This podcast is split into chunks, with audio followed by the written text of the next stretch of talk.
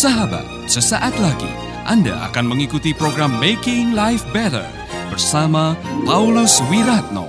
Selama 15 menit ke depan, Anda akan belajar membuat kehidupan lebih baik. Yang kedua, saudara bisa melihat benih pengkhianatan yang kedua yang ada dalam diri Absalom adalah dia mendiskreditkan rajanya. Oh, dia tidak ada waktu. Kamu tidak akan pernah diadili seadil-adilnya. Dia terlalu sibuk. Ngomong saja kepada saya. Waspadai, saudara-saudara. Kalau Anda ada sedikit suka mendiskreditkan raja, pemimpin, orang tua, siapa pun, atau bahkan teman saudara, demi mendapatkan teman, saudara akan suatu saat mendapatkan hasil yang sama. Apa yang kamu tabur itu yang nanti akan kamu tuai. Waspadalah. Kalau saudara suka mendiskreditkan orang lain demi mendapatkan pertolongan, bantuan, pertemanan dari orang, saudara sudah ada benih pengkhianatan. Saudara-saudara, mari kita akan uh, melihat bagaimana Absalom melakukan itu. Saudara akan melihat di dalam 2 Samuel pasal 15 ayat 2 sampai 6. Setiap hari, setiap hari Absalom bangun pagi-pagi lalu berdiri di tepi jalan di dekat pintu gerbang istana. Setiap orang yang hendak mengadukan perkaranya kepada raja dipanggil dan ditanyai oleh Absalom katanya, engkau dari suku mana? Dan jika orang itu menjawab dari suku ini atau itu, maka Absalom akan berkata, menurut hukum engkau benar. Jadi walaupun salah, dia membenarkan orang itu.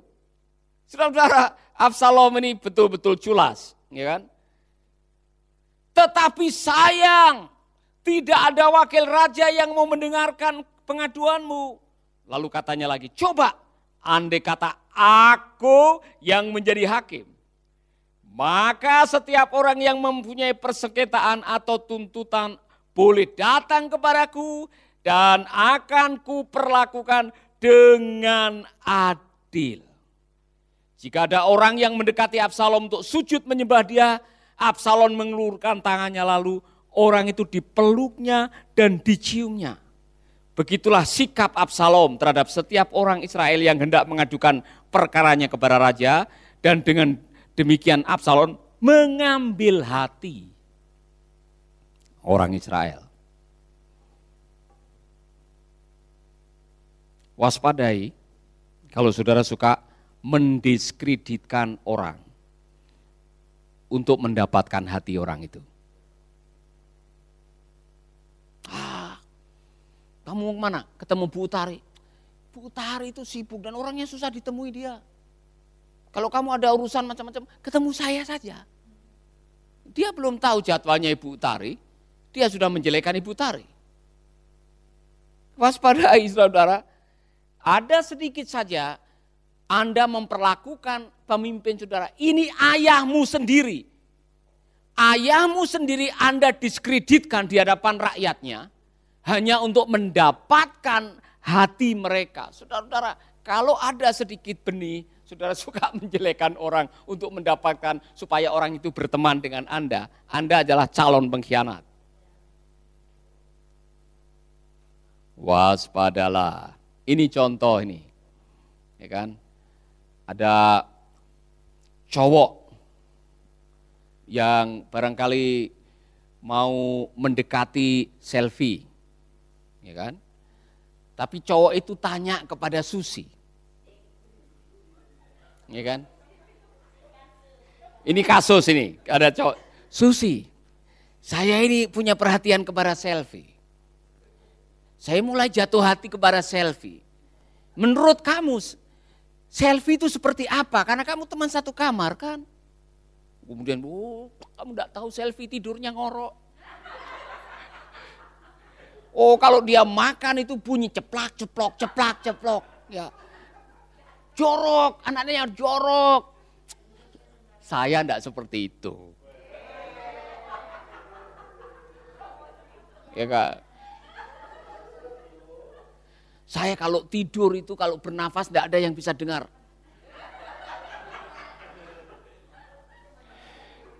Saya kalau makan langsung saya lihat, lihat saya lihatin aja makanannya masuk sendiri langsung tertelan.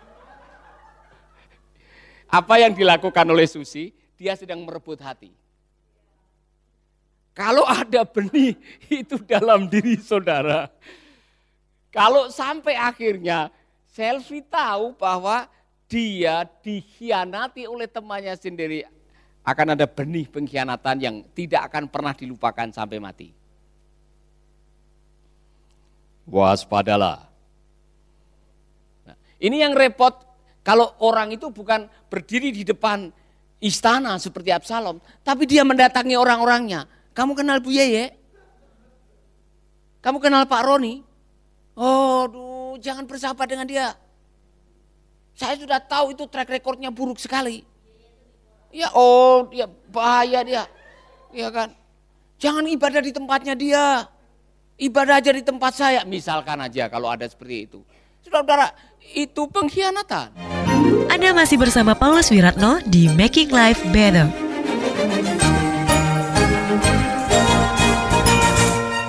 Untuk apa saudara memperlakukan seperti itu? Suatu saat Anda akan diperlakukan seperti itu. Karena orang yang diajak untuk mengkhianati, dia tahu hati saudara. Jangan melakukan shortcut dan jangan mendiskreditkan orang lain. Yang ketiga, dia suka menonjolkan dirinya sendiri. Dia suka jual dirinya. Dalam arti saya saja. Raja Daud itu tidak ada wakilnya untuk mendengarkan kamu. Kalau saya yang mengadili, kamu pasti benar. Ini dengan ayahnya sendiri, saudara. Dengan ayahnya sendiri. Dia tega melakukan seperti itu. Dan ternyata diam-diam dia bisa merebut hati sebagian tentara dan penasihatnya Raja Daud. Dia minta izin Raja Daud mau bikin upacara korban tapi justru bikin rapat gelap. Dan tidak lama setelah itu dia turun dari Hebron dengan beberapa tentara dan Daud sudah mengenali anaknya kurang ajar. Saya salut dengan Daud. Dia tidak mengerahkan tentaranya. Walaupun akhirnya harus berperang. Tapi Daud lari. Dan kurang ajarnya saudara-saudara. Absalom meniduri istri-istrinya Daud. Kenapa sampai seperti itu? Ada kepahitan yang tidak diselesaikan. Waspadai kepahitan dalam diri saudara. Apa kepahitannya?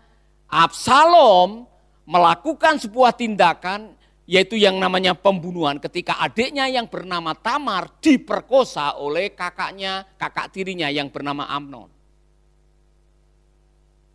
Dia membuat sebuah rekayasa sehingga dia membunuh Amnon dan kemudian dia melarikan diri tiga tahun.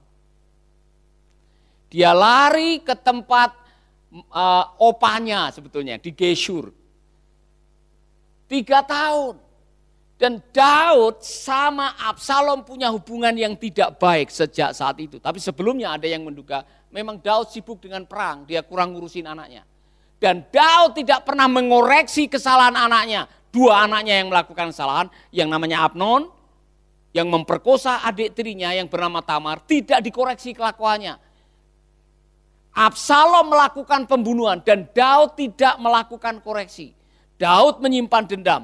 Bahkan sampai akhirnya panglimanya yang bernama Yoab mencoba untuk merukunkan. Tetapi Daud masih tidak mau. Daud masih tidak mau ketemu dengan Absalom. Selama Absalom tiga tahun di pengungsian atau di pengasingan, kemudian kembali dua tahun tidak mau. Daud tidak mau ketemu dengan Absalom. Jadi lima tahun tidak ketemu. Apa yang terjadi? Menyimpan sakit hati menyimpan dendam, dan tidak ada koreksi.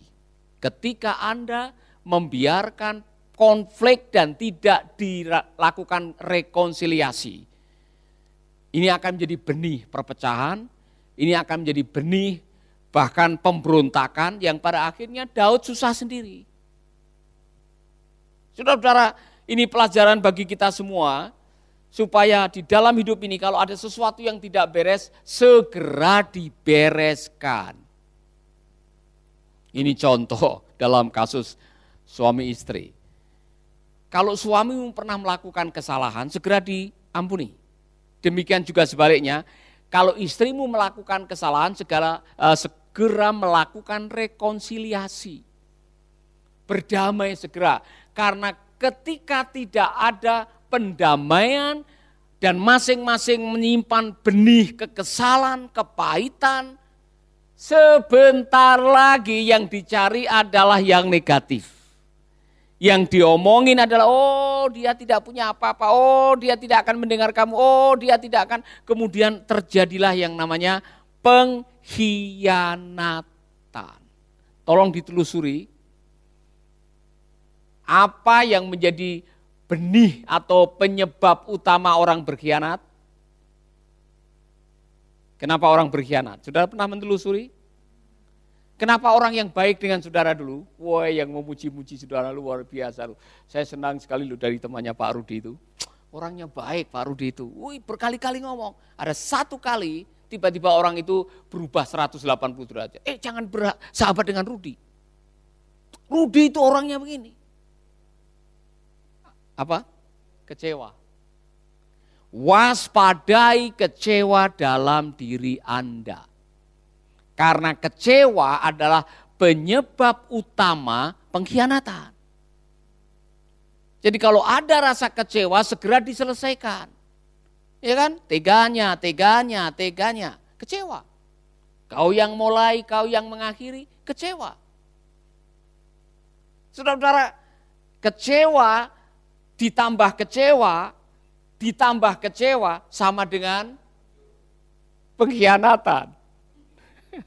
Bukan hancur Pak. Pengkhianatan. Pengkhianatan itu yang menghancurkan. Ya kan? Jadi kalau Anda kok ada sedikit saja rasa kecewa menyelinap di dalam dada, segera diselesaikan. Jangan dibiarkan kekecewaan. Sahabat, Anda baru saja mendengarkan Making Life Better bersama Paulus Wiratno.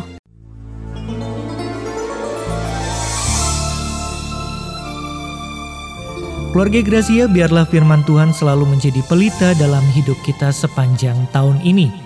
Dengarkan selalu radio Suara Gracia di 95,9 FM, streaming di suaragratiafm.com/streaming atau dengan aplikasi Android Radio Suara Gratia yang tersedia di Play Store. Jika Anda diberkati oleh siaran suara Gracia FM dan mengalami kuasa mujizat Tuhan, mari menjadi berkat dengan mengirimkan kesaksian ke WhatsApp Radio Suara Gracia FM di 0817 222 Biarlah melalui kesaksian Anda, banyak jiwa dikuatkan dan dibangkitkan kembali imannya Tuhan memberkati.